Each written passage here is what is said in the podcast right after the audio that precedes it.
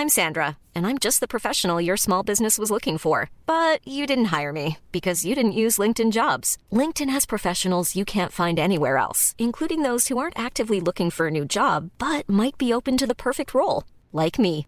In a given month, over 70% of LinkedIn users don't visit other leading job sites. So if you're not looking on LinkedIn, you'll miss out on great candidates like Sandra. Start hiring professionals like a professional. Post your free job on linkedin.com/people today. Burrow is a furniture company known for timeless design and thoughtful construction and free shipping, and that extends to their outdoor collection. Their outdoor furniture is built to withstand the elements, featuring rust-proof stainless steel hardware, weather-ready teak, and quick-dry foam cushions. For Memorial Day, get 15% off your Burrow purchase at burrow.com slash ACAST and up to 25% off outdoor. That's up to 25% off outdoor furniture at burrow.com slash ACAST. Many of us have those stubborn pounds that seem impossible to lose, no matter how good we eat or how hard we work out. My solution is PlushCare. PlushCare is a leading telehealth provider with doctors who are there for you day and night to partner with you in your weight loss journey. They can prescribe FDA-approved weight loss medications like Wagovi and Zepbound for those who qualify. Plus, they accept most insurance plans. To get started, visit plushcare.com slash weight loss. That's plushcare.com slash weight loss.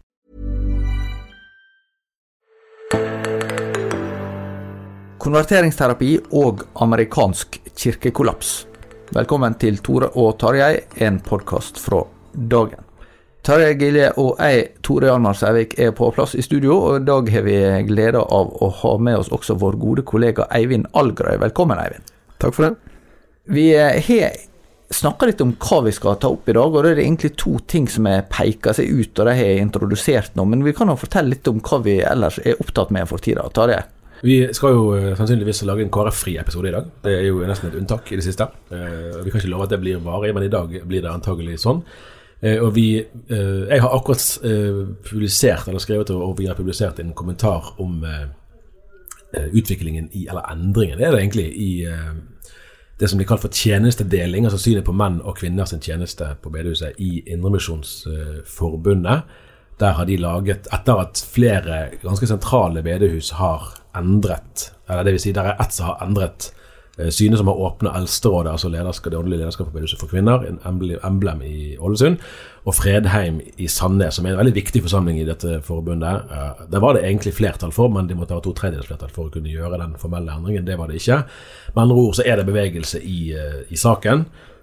Og IMF har da laget åtte videoer der de, altså ledelsen, Erik Furnes, generalsekretær, og Andreas Evensen som leder IMF Ung, gjør rede for eh, Indremisjonsforbundet sitt syn. Og det er for så vidt kjente toner, og der er egentlig ikke noen, noen vektig endring i selve forståelsen deres, men det er en endring som går ut på at forsamlinger som åpner for kvinnelige eldste, eh, kan gjøre det og fremdeles eh, bli værende i Indremisjonsforbundet. Det var jo faktisk en debatt på Dagsnytt 18 dette på mandag mellom da Erik Furnes og et styremedlem, Edmund Rossland, eller i hvert fall et medlem, i, eh, i Fredheim eh, Arena. Eh, Og sånne debatter er litt sånn illustrerende egentlig på vår tid, da, på den måten at vi bare antar at dette må jo fremstå nesten, ikke bare nesten, tror jeg, nokså eksotisk for en god del seere og lyttere. Eh, mens debatten i høyeste grad lever internt i disse sammenhengene. Men det er en debatt det er vanskelig å føre i offentligheten fordi premissene er så veldig forskjellige. Eh, så jeg får nesten vondt av de som skal sitte der og prøve å forklare dette her. fordi at altså Hvis man møter det med vanlig norsk eh, likestillingsforståelse, så virker jo hele greien helt fjernt. Eh, Men da er det jo en hel del lag her som gjør at så fjernt er det ikke. Selv om det er òg en side ved saken at både de fleste frikirkesamfunn i Norge og flere bedehusorganisasjoner, eh, det er vel særlig Nordmisjoner, som har snudd. Sånn at, eh, sånn at eh, altså det å se på dette spørsmålet som en test på bibeltroskap, sånn som man gjerne gjorde før, det er ikke så aktuelt lenger. Og det sier jo Erik Furnes rett ut i en av disse videoene. Det gjør de heller ikke lenger i IMF. Så det er en tydelig utvikling. Eivind, hva holder du på med? Nei, jeg eh, har intervjuet Joel Halldorf i det siste, i en sak som kom på trykk i Korsets Heier. Og han er jo en av de som har eh, forsøkt å eh, male med litt nyanser i spørsmålet om eh, annet homofili, og hvordan homofile kan leve innenfor ja, i kirke. Hva frikirke og andre skal gjøre med f.eks. mennesker som lever i homofil praksis eh, og og da har han jo selvfølgelig fått, fått en del Eller skapt en del debatt, da. så jeg prater med han litt om det, men òg om rollen hans som kulturkommentator i eh, Ekspressen i Sverige. Eh, og kjærligheten hans til bøker. Og ja, han er en, en spennende fyr. Jeg husker det, at Du intervjuet faren hans, Peter Haldorf, når han var i Bergen. Det tror jeg må være nesten ti år siden nå. Eh, og da husker jeg du snakket med han om bl.a. hva han så på som eh, de store teologiske stridsspørsmålene i vår tid. Og da, fra et journalistisk ståsted, så ingen tvil eh, om at det er samlivsetikk som har vært det som har skapt mest, eh, mest debatt, mest temperatur. Eh, men det var på ingen måte opplagt for han. Eh, at det var liksom det store spørsmålet. Jeg husker vi satt her på kontoret og lurte på liksom, hvordan henger dette sammen. Han må jo lese aviser, han òg. Men så ser du nå òg hos, hos Joel, hos sønnen, og hos mange andre, at det er ikke sånn at dette er det spørsmålet man bruker som en sånn brekkstang for å forstå, eller skjelne mellom rett og galt. Det er mange andre spørsmål som egentlig blir tillagt større vekt når man skal på en måte vurdere gudstroens plass uh, i vårt samfunn. Ja, for jeg tror at kanskje det spørsmålet om samlivsetikk har blitt eh, av en del, hvis man går 10-20 år tilbake igjen. Man har nærmet seg det på en annen måte enn man vil gjøre i dag, fordi at man ser noe helt annet rundt seg. Altså Du skal ikke så langt tilbake i tid før folk i større grad reagerte med ut ifra frykt, eller ut ifra at dette her er fremmed, osv. Mens man i dag i langt større grad, eh, eller i langt mindre grad, reagerer sånn da, fordi at man får det tettere på seg. Man kan jo fortsatt ha eh, meninger om eh, det ene og det andre, men man vil nok gjøre det på en annen måte enn man kanskje gjorde tidligere. da. Og det fører oss egentlig videre til det som var sett satt opp som, eh, som tema i dag. Det er jo eh, dette forslaget fra regjeringa om såkalt konverteringsterapi som skal bli forbudt. Og det ble presentert i, eller gjort kjent i juni og, og sendt ut på høring. og Den høringa foregår til 15.10.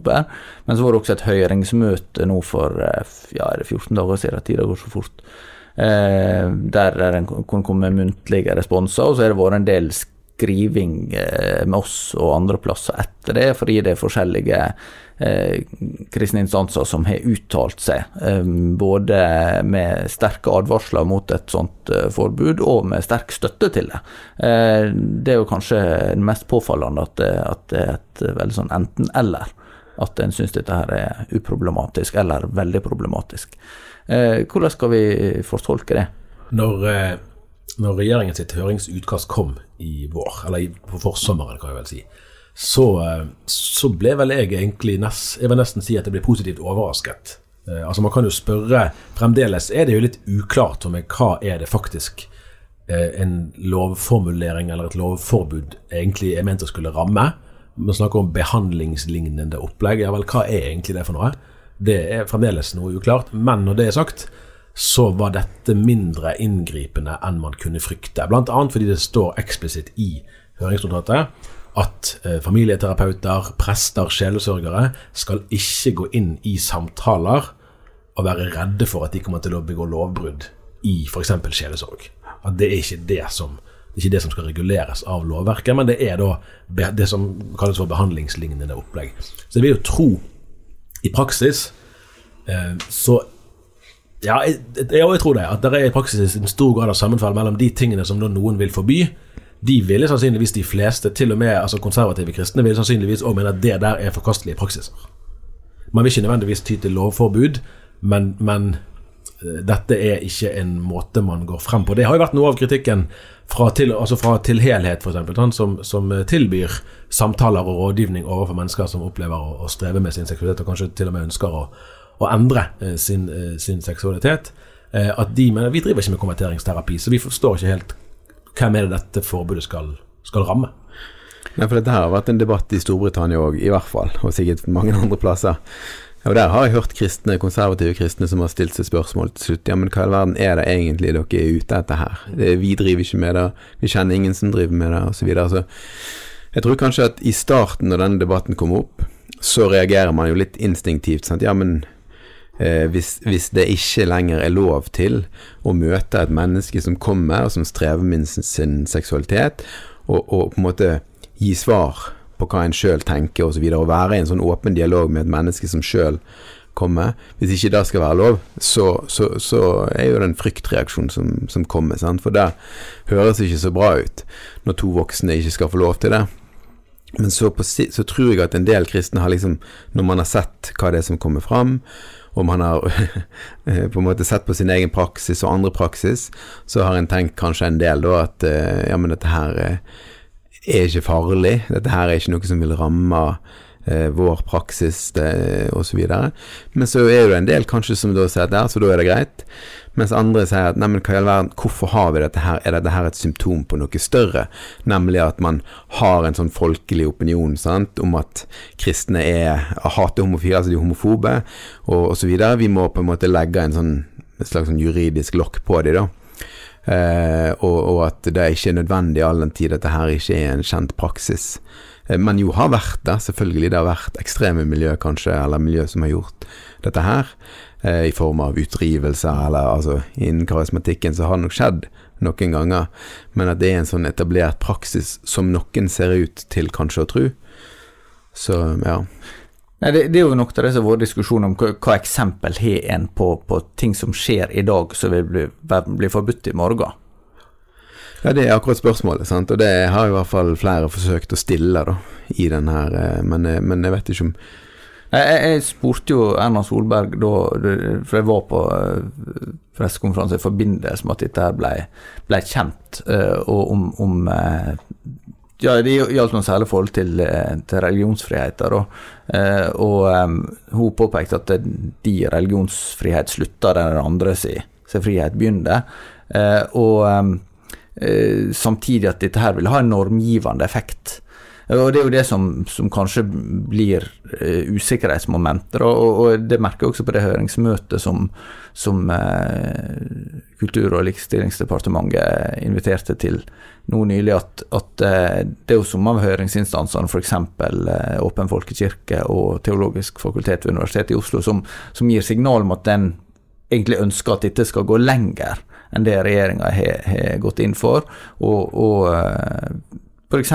når det gjelder hvordan det blir forsynt om det, hvordan eh, altså sjelesorgsituasjoner som kan tenkes å falle innafor. Og så er det jo selvsagt et skjønnsspørsmål. Altså, de fleste vil være enige om at det at to mennesker sitter og, og snakker med hverandre, det, det garanterer ikke at, eh, at, alt går rett for seg. Altså det, det kan jo enten det er snakk om det å for tida en sak med en psykolog som ble rulla opp, som har opptrådt ganske ja, alvorlig over streken for mange pasienter. Det kan jo også tenkes naturligvis med religiøse ledere. Så, sånn at eh, eh, det er jo ikke gitt at fordi noe blir kalt sjelesorg, så, så er det uproblematisk. Samtidig så, så, så, er det jo noe med, med hva skal en regulere, og hvordan skal en bevitne det? For det, er jo der noen av kritikerne har spurt ja, betyr at vi må kameraovervåke eller loggføre, eller For du kan jo Det, det er vel en av disse her amerikanske grunnlovsfedrene, Benjamin Franklin, om jeg ikke husker feil, som sa at den som oppgir litt av sin eh, frihet for å få litt mer trygghet, han har ikke fortjent verken frihet eller trygghet. Nei, og der er jo Kanskje er det noe av det viktigste man kan si i møte med den debatten som nå pågår, og som kommer mer eh, etter hvert som høringen er ferdig og selve lovteksten skal utformes, at her gjelder det å følge godt med, fordi at eh, Og for så vidt, altså Høringsnotatet eh, navngir vel, så vidt jeg husker, ingen konkrete eksempler på den og den og den har gjort seg skyldig i dette, og det er den vi skal ramme. Og man erkjenner at det er et relativt beskjedent antall tilfeller Eh, samtidig så tror jeg som sagt at av de tilfellene som er kjent, der er det nok, vil nok være ganske brei enighet, òg blant eh, konservative kristne, om at dette er en uønsket praksis, og at den kan være potensielt veldig skadelig. Så det er nok en hel del ting der som det, det er helt i orden at det blir, blir eh, forbudt. Den praksisen vil de fleste mene er forkastelig uansett. Men så er det jo det at med en gang du etablerer en lov som skal tolkes, så er det jo alltid en risiko for at den tolkes i hermetegn feil, og at den sånn sett får en større virkningsramme da, enn en det som disse i hvert fall ville slutte seg til. Og der er det jo, Idet du begynner å gå inn med lovverket i sjelesorgrommet, og ikke minst eh, eller for så vidt begge deler opp mot forkynnelse, så er man jo inn på en vei som eh, der ja, Hvis vi skal si det veldig forsiktig, det er grunn til å stille alvorlige spørsmål ved liberaliteten til de som er kristne aktører, og som da ønsker å bruke lovverket til å, å håndtere dette. Det som er en tilleggsdimensjon der, er jo også endringer i forståelse av kjønnsidentitet. Som, som der, der jeg tror egentlig på et juridisk og kulturelt plan at det har skjedd større endringer enn veldig mange mennesker tenker over. Eh, med at, at eh, både med lov om juridisk kjønn fra 2016 og, og ja, ikke, ikke, minst den, da. At, at, eh, men også deler av, av diskrimineringslovgivninga er jo lagt mer vekt på, på den subjektive opplevelsen av å ha et kjønn. At, at, kjønn er ikke noe som er objektivt gitt biologisk, men det er en, erfaring, eller et, et, og, noe som en velger å uttrykke på forskjellige vis. Eh, og eh, også den eh, økningen som jeg har sett eh, særlig blant tenåringsjenter i, i, hele Vesten, med, med, flere som opplever at de er født i feil kropp. Eh, og hva skal dette bety? For, derfor, for, dette handler ikke bare om å tenke om en legning som noe fiksert og medfødt, men det handler om et identitetsspørsmål som, som, eh, som, er, som individet definerer. Uh, og, og, det er jo spørsmål som, som er veldig komplekse å, å, diskutere, og veldig personlige og følsomme, og sånn, men, men, samtidig så vil det ha noen prinsipielle konsekvenser som, som uh, kanskje ikke Jeg vet ikke om dere opplever at de, de blir diskutert i særlig grad. Ja, Det er et godt spørsmål. Det, det som er, man observerer i, i, disse problemstillingene her, er jo at virkelighetsforståelsen og, og, virkelighetsanalysen når man kommer til disse spørsmålene, er veldig forskjellig. Altså er veldig ulik, da. Så, så um, noen uh, sier at hvis når man etterlyser debatt i disse spørsmålene, så sier noen hva i all verden, det her er jo gjennomdebattert for lenge siden. Sant? Men uh, jeg vet ikke om man opplever da at man kommer for seint til debatten, eller hva. Men eh, kanskje på faglig hold. Man har hatt eh, skeiv forskning lenge og sånt, og, og, at man opplever at nei, det er Her har vi forska på det, her har vi debattert. Men jeg opplever vel at den debatten har blitt litt kvelt, i hvert fall, av at uh, det er noen mennesker midt oppi her som, som, blir, som blir debattert. Altså Når vi diskuterer spørsmål, så diskuterer du menneskene, og da legger det gjør at uh, det blir veldig fort sånn, et lokk på debatten, da. For at hvis du, hvis du, er, hvis du at uh, Hvis du mener noe som helst, da, som ikke går liksom i retning av det som er god latin, så, så er du mot disse menneskene, sant. Uh, så, så, hvis man da, la oss si eksempel, og tenker at nei, skoleverket vårt bør, det bør være en slags eh, Det bør være greit å si at de aller fleste mennesker de går fint inn i en kategori av mann og kvinne. altså Det er en slags normalitet. sant? Hvis noen vil si det, så vil andre oppleve det som et veldig sånn direkte angrep på de som da har kjempa for muligheten til å definere seg annerledes, eller eh, ja. Så det er det at det Litt som i homofilisaken. Det, det, blir veldig fort menneske, enkeltskjebner du, du diskuterer, en, når du egentlig vil ha en generell debatt. Så jeg, jeg, tenker vel at den debatten har vært litt hemma der, da. Det er jo også viktig å være klar over at eh, det er som de fleste sikkert vet, men av og til må vi jo gjøre minne om ting som er kjent fra før. Men, men eh, dette er jo ikke en særnorsk tendens. Selv Norge er jo et land som som ja, er regna for å være ganske progressivt og tidlig ute med å og altså enten det gjelder likestillingspolitikk eller, eller på dette feltet her, eller, så, så, er jo lovgivninga og kultur har kommet lenger, men, men du har jo også en eh, ganske sentral person i, i Joe Bidens regjering, Helsedepartementet, som identifiserer seg som transperson, og to nyvalgte eh, parlamentarikere i Tyskland etter valget der nå på søndag.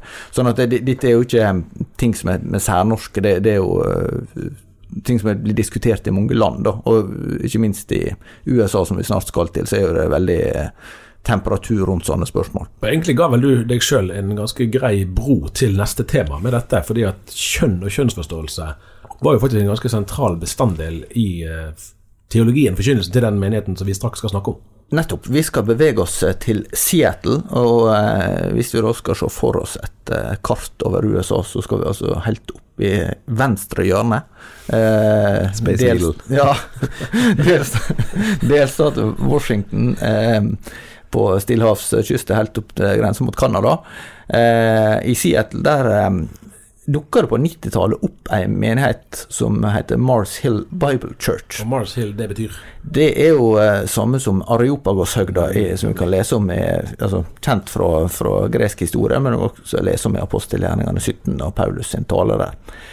Eh, men eh, det som eh, gjør at vi tar opp eh, den menigheten her nå, det kan jo høres veldig rart ut, eh, men det er rett og slett at Christianity Today, som er eh, ja, liksom flaggskipmagasinet for eh, evangelikale kristne i USA Dagen i USA. På en ja, måte. ja, nesten på nivå med dagen. I all beskjedenhet. Ja.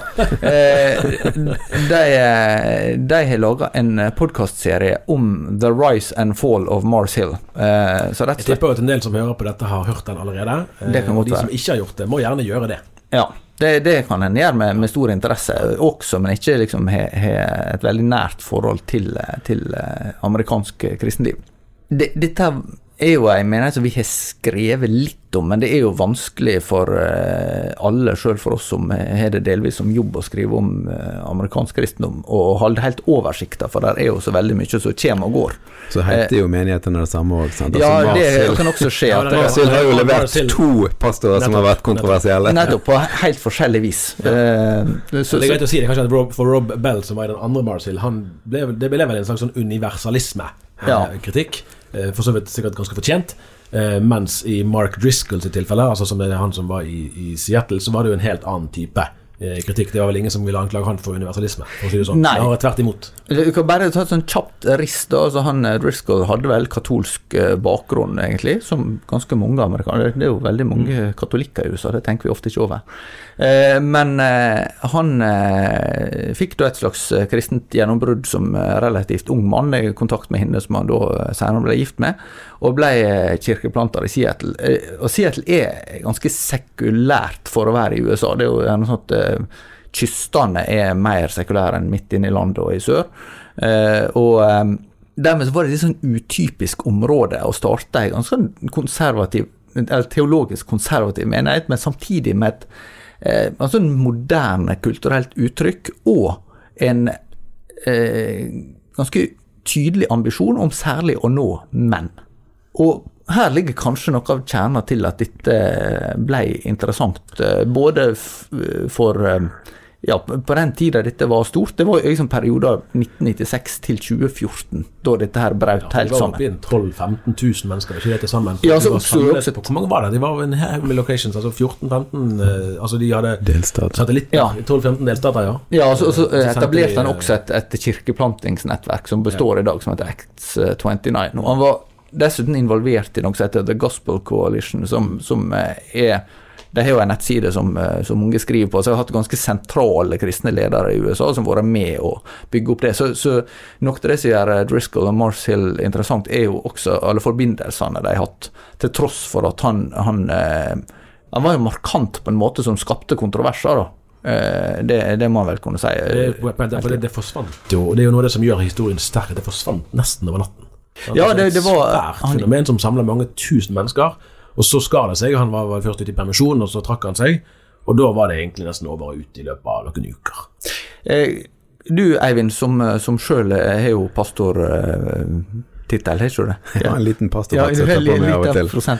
Men, eh, men eh, du som, som ser det sånn fra den, den posisjonen, da, hva vil du si kjennetegner når, du har hørt og lest om det? Du har også skrevet en artikkel om det i, Mm. i dagen. Men, men hva, hvordan vil du beskrive for en utenforstående Marsil, hva, hva slags fenomen var det? Nei, det er jo åpenbart at altså, all, hvis du hører Mark Driscoll, så hører du jo Jeg var litt fascinert. Jeg har jo jobba noen år i en organisasjon som heter Damaris, som driver og kobler populær eh, kultur og kristen tro og finner broer der og, og sånn. Så når jeg hørte hans liksom noen uh, kutt fra hans uh, kulturelle analyse, at det tror jeg var på slutten av 90-tallet, da, så tenker jeg at ah, interessant. Det der er, er fascinerende. Og når du hører han snakke i hvert fall tidvis, så, så, så er det åpenbart at han, han har talegave, og at han er flink. Ehm, så det handler jo om mennesker som, uh, som uh, samler seg rundt en som er flink å prate, som er karismatisk, som eh, Og ikke minst òg som slår et hardt slag for bibeltroskap, for å eh, lese Bibelen som han er, og for eh, kanskje mer sånn konservative verdier, men som gjør det på en måte som, eh, som, som er gøy å høre på. Altså, han lærer masse fra standup comedians, og han ja, så, så, jeg tenker at det i stor grad handler om hans evne til å samle folk rundt seg.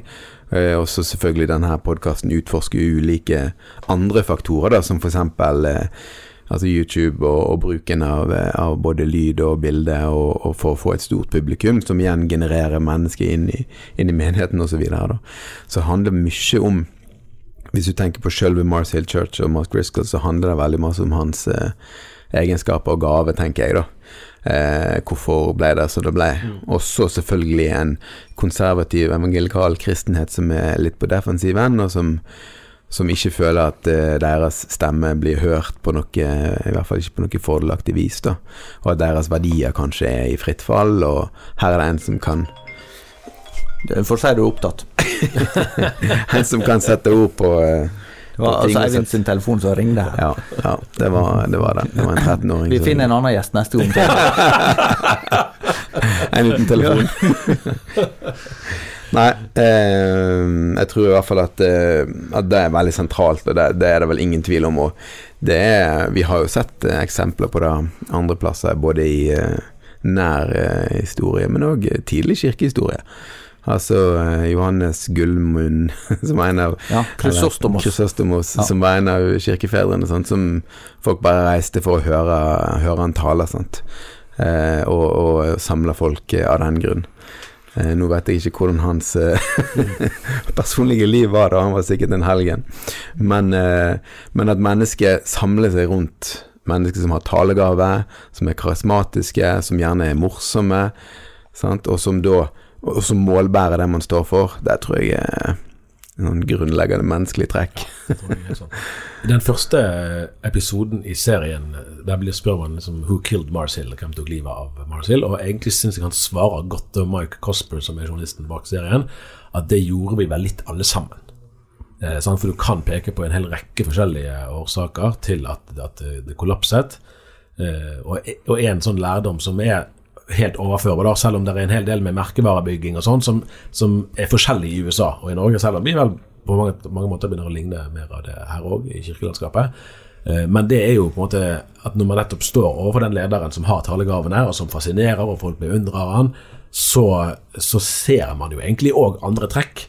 Men, men, man våger ikke å adressere det fordi at man risikerer, eller man er redd for kanskje å miste det man ser på som verdifullt. Og så blir det sånn enten eller at enten er du for, for Mark Driscoll, eller så er du imot. Og han legger jo veldig opp til det. Et av de, et av de styggeste øyeblikkene synes jeg, i hele serien, det er vel ni episoder tror jeg som er kommet så langt, eh, er jo når han er på et sånt pastorseminar og sier at ja, bussen kjører, altså Mars Hill-bussen, den kjører, så valget ditt er enten å komme om bord i bussen eller å bli overkjørt av bussen. Jeg håper egentlig at det ligger en stabel folk bak bussen etter hvert.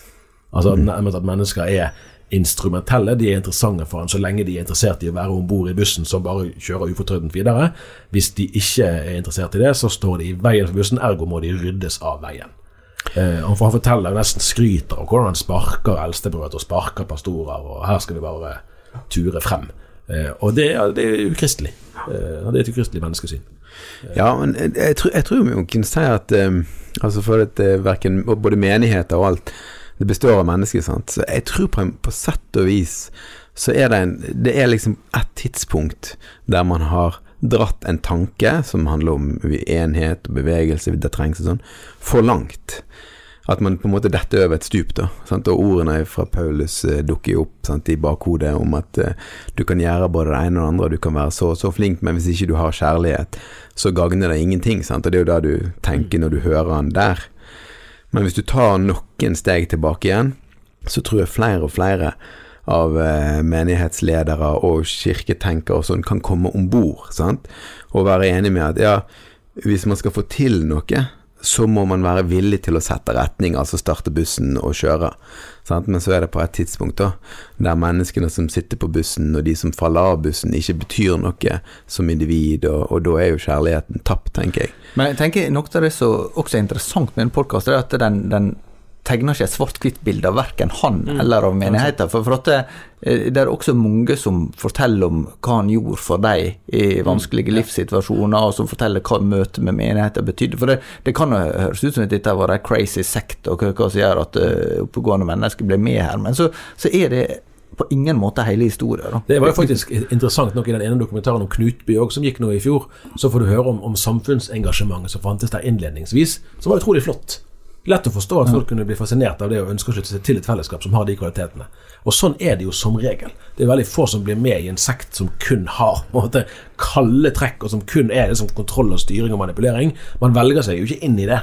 Man blir med i det pga. et eller annet annet som er vakkert og verdifullt, og som kanskje har en, en langvarig positiv effekt, selv om de andre tingene òg eh, kan være sant. da. Ja. Jeg, jeg, jeg har også tenkt på at En kan jo ofte sitte i Norge og, og tenke at ja, dette må vi lære av, dette, her må ikke dette få skje igjen. Og så, og så eh, jeg, jeg husker Mark Driscoll faktisk var i, på besøk i England eh, på et eller annet tidspunkt. Da hadde noen kontroversielle uttalelser der til eh, Justin Brierley, som, som eh, mm. kanskje noen av våre lyttere kjenner til. Det er han som driver en podkast som heter Unbelievable, så er nokså interessant. Eh, men, men eh, da eh, mente Driscoll at det er jo knapt en eh, eneste god predikant i England. Eh, altså, hvert fall sånn Gi gi navnet på, på, gi navnet på noen som liksom virkelig når mennesket i vår tid, og som er eh, ja. Utenfor kirkelandskapet, riktignok. Ja, så, så liksom ja. Som, som, bryter nytt land, da, ja. på et vis. Mm. Eh, og, og, så tenker jeg at det var jo litt sånn Det var jo litt uh, unyansert sagt, men, men vi kan jo også bli sittende litt sånn og problematisere, eh, og, og, ha det som en sånn eh, det er jo lett å beskylde journalister iallfall, da, for, for, for å sitte og liksom skulle finne feil med ting. Og si at ja, men her, her var litt for mye sånn, her var litt for lite sånn. Og så, og så er jo kanskje noe av utfordringen vår rett og slett å rekruttere og oppmuntre kristne ledere. Altså, ikke, i den forstand at det, skal, hva som helst skal være greit, men, men, det er jo en tanke der, syns jeg, da. At, at hvis en hvis en gjør det så uten å på noen måte forsvare sånne eh, overskridelser. Men, men eh, det, det, er noe med å ta en mote fra de som vil prøve. Altså rommet for å, å være litt fargerik osv. At, at det må finnes. Det der du Nei, jeg, jeg stiller spørsmålet som journalist. Jeg sier Ibsen, mitt kall er Jeg, jeg, altså, helst mitt kall er at svare. Jeg tror egentlig mitt, det, det der er en sånn ting som jeg har blitt overrasket over de siste årene, når vi jobber med det vi jobber med at den, den, opplevelsen der at det å bli pastor, det er risikosport, for du blir mm. tatt for så mye, at det faktisk har, ser ut til da, å ha en ganske dempende effekt på en del menneskers initiativ. Det er jo vanskelig å måle hvor mange flere ville vært menighetsplanter eller menighetspastorer hvis eh, pressen eller hvem det var, hadde opptrådt annerledes. Det kan ingen av oss vite. Men det er noe å være, å være bevisst på det, at, at vi må ha en en eh, edruelig tilnærming òg til at mennesker kan gjøre feil. Og Det er jo en, en, side ved saken her som er litt fascinerende. Det er i en sånn spesialepisode som jeg tror heter 'Origin Myth'. altså eh, for, hvordan fortellingen om opprinnelsen utvikler seg. Eh, og Det har jo òg noe med saken å gjøre her på den måten at, at siktemål, det opprinnelige siktemålet med Mars Hill kan jo være et helt annet enn det som en måte var profilen over tid. For det å bygge, og Etter hvert var det mye som handlet om å bygge opp merkevaren Mark Driscoll. Han var det som er stor, og man hadde forskjellige sosiale medier og, og, forskjellige kanaler man brukte for å bygge han opp. Men så, han var jo ikke en merkevare i begynnelsen. Det var etter hvert det ble sånn. Og, og, og det blir også vist i podkasten hvordan han på ulike tidspunkt så si, forteller han he, sin egen historie. Og historien er ganske forskjellig. Eh, altså, han, han beskriver sin egen historie på helt ulike måter på ulike tider. Eh, og, jo, og, der bruker, bruker Mike Casper, journalisten, eh, eksempler fra, fra Apple sant? Og, og, andre store, kjente selskaper som òg har en sånn Ja, det begynte i en garasje, sånn og sånn, under veldig små forhold. Så er saken at når de var i den garasjen, så hadde de allerede millioner i inntekter. Sånn at Historien er ikke helt riktig, men det er en historie som er fin, og som passer i den fortellingen man ønsker å formidle. Eh, og på samme måten som da merkevaren òg utvikler seg, og så ønsker man liksom å fremstille seg sjøl på en bestemt måte, og man fungerer på en bestemt måte. Man får en selvtillit fordi 'oi, jeg lykkes', ja, men da kan jeg være litt mer myndig sant? og definere litt mer agendaen. Og så blir det til noe annet enn det var. Og i og for seg, altså mennesker som har gode hensikter, kan spore av. Så kan man fremdeles anerkjenne hensiktene, og anerkjenne òg noe av det som er flott og beundringsverdig i det opprinnelige, samtidig som man kan erkjenne at Men det, det ble faktisk noe annet enn det skulle vært. Her er det mer å si, og mer å høre for den som måtte være interessert. Vi gir tillatelse til å lytte til denne podkasten, så frem til du ikke slutter å høre på oss. ja, dette er komplementære budskaper, ja. Nei da, der, der, må folk stå fritt. Men eh, de som måtte være interessert i å høre mer på oss, de kan iallfall eh, få sjanse til det neste uke. Ja. Vi er tilbake. Takk skal du ha, Eivind. Jo. Vi høres. Yes, ha det.